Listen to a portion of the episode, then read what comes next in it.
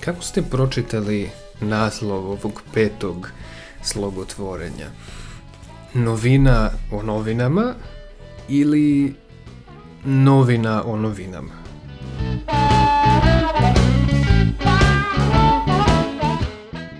Dobrodošli u još jednu ovoga puta dvokraku epizodu Slogotvora.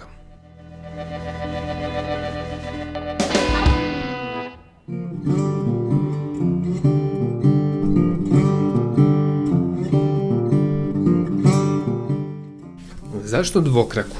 Pa imat ćemo uh, najpre jednu temu koja će nam poslužiti kao levak za drugu, zapravo digresiju od prve.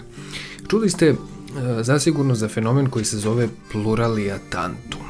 Ovaj latinski naziv opisuje imenice koje posjeduju samo množenski oblik. U srpskom je to slučaj sa imenima makaze, merdevine, financije, pluća, a ova pojava javlja se i u mnogim drugim jezicima. Makaza ili merdevina može se reći, no to nisu lekseme koje su deo standardnog jezika. U javnosti, međutim, u poslednje vreme čuti se može reč novina. I ne, ovoga puta se ne igramo akcentima. Um, jezička intuicija nam ukazuje da je ispravan oblik novine. Da li se onda bez razloga upotrebljava oblik u jednini?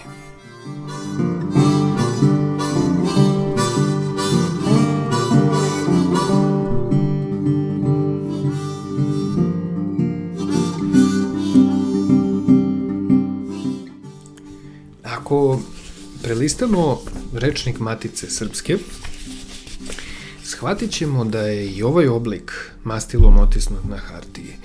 Novina, imenica ženskog roda, vidi odrednicu novine. Primer, prošloga proljeća vidio sam u čitaonici veliku njemačku novinu. Ova je upotreba, dakle, potvrđena u književnom tekstu, te je kao takva ušla u rečnik. Sad, reći ćete, znači, ipak može makaza i merdevina. Priča je nešto složenija od toga.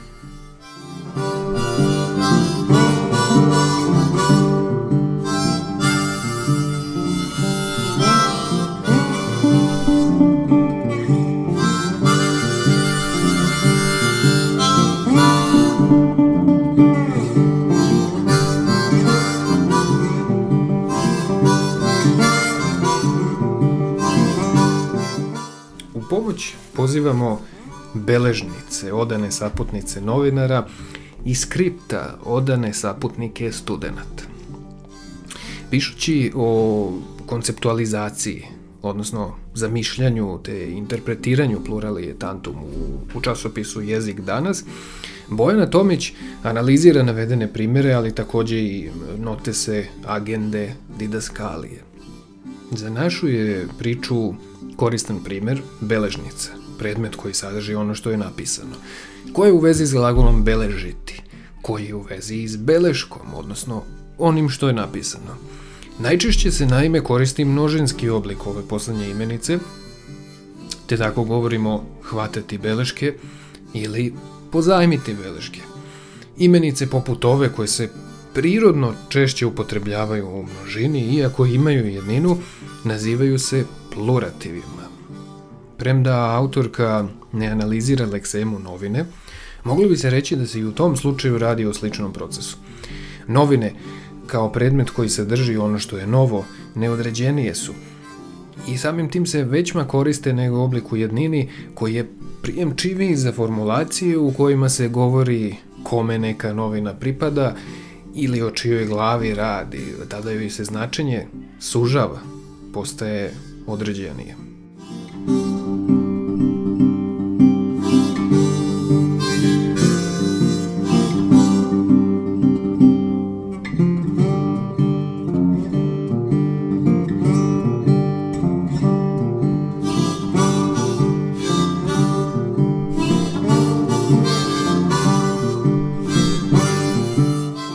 Novina s početka prošle godine, koja i dalje za posjeda naslovnice novina, jeste virus korona.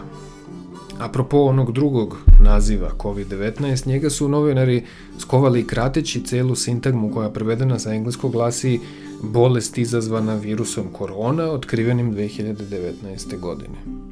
Nećemo zalaziti u bolne aspekte ove teme, zanima nas jedan deo njene jezičke konceptualizacije.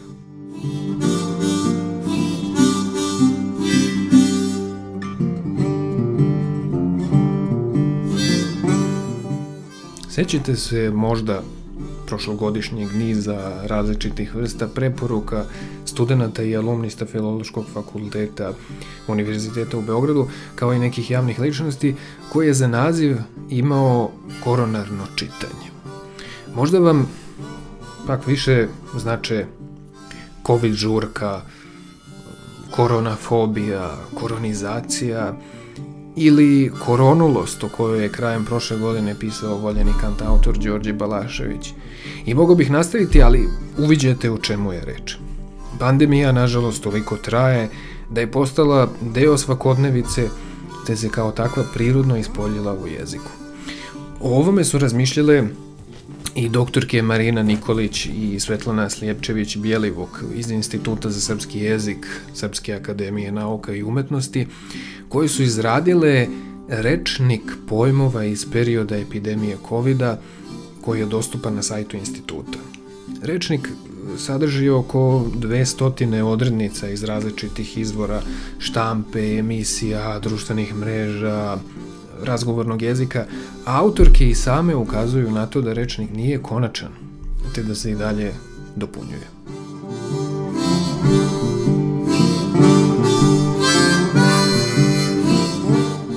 Ovakav zbir ispoljenih misli zacelo olakšava poimanje zamaha i proporcija jedne pojave, a time njeno bolje shvatanje. Do sledećeg slušanja slogotvorni pozdrav.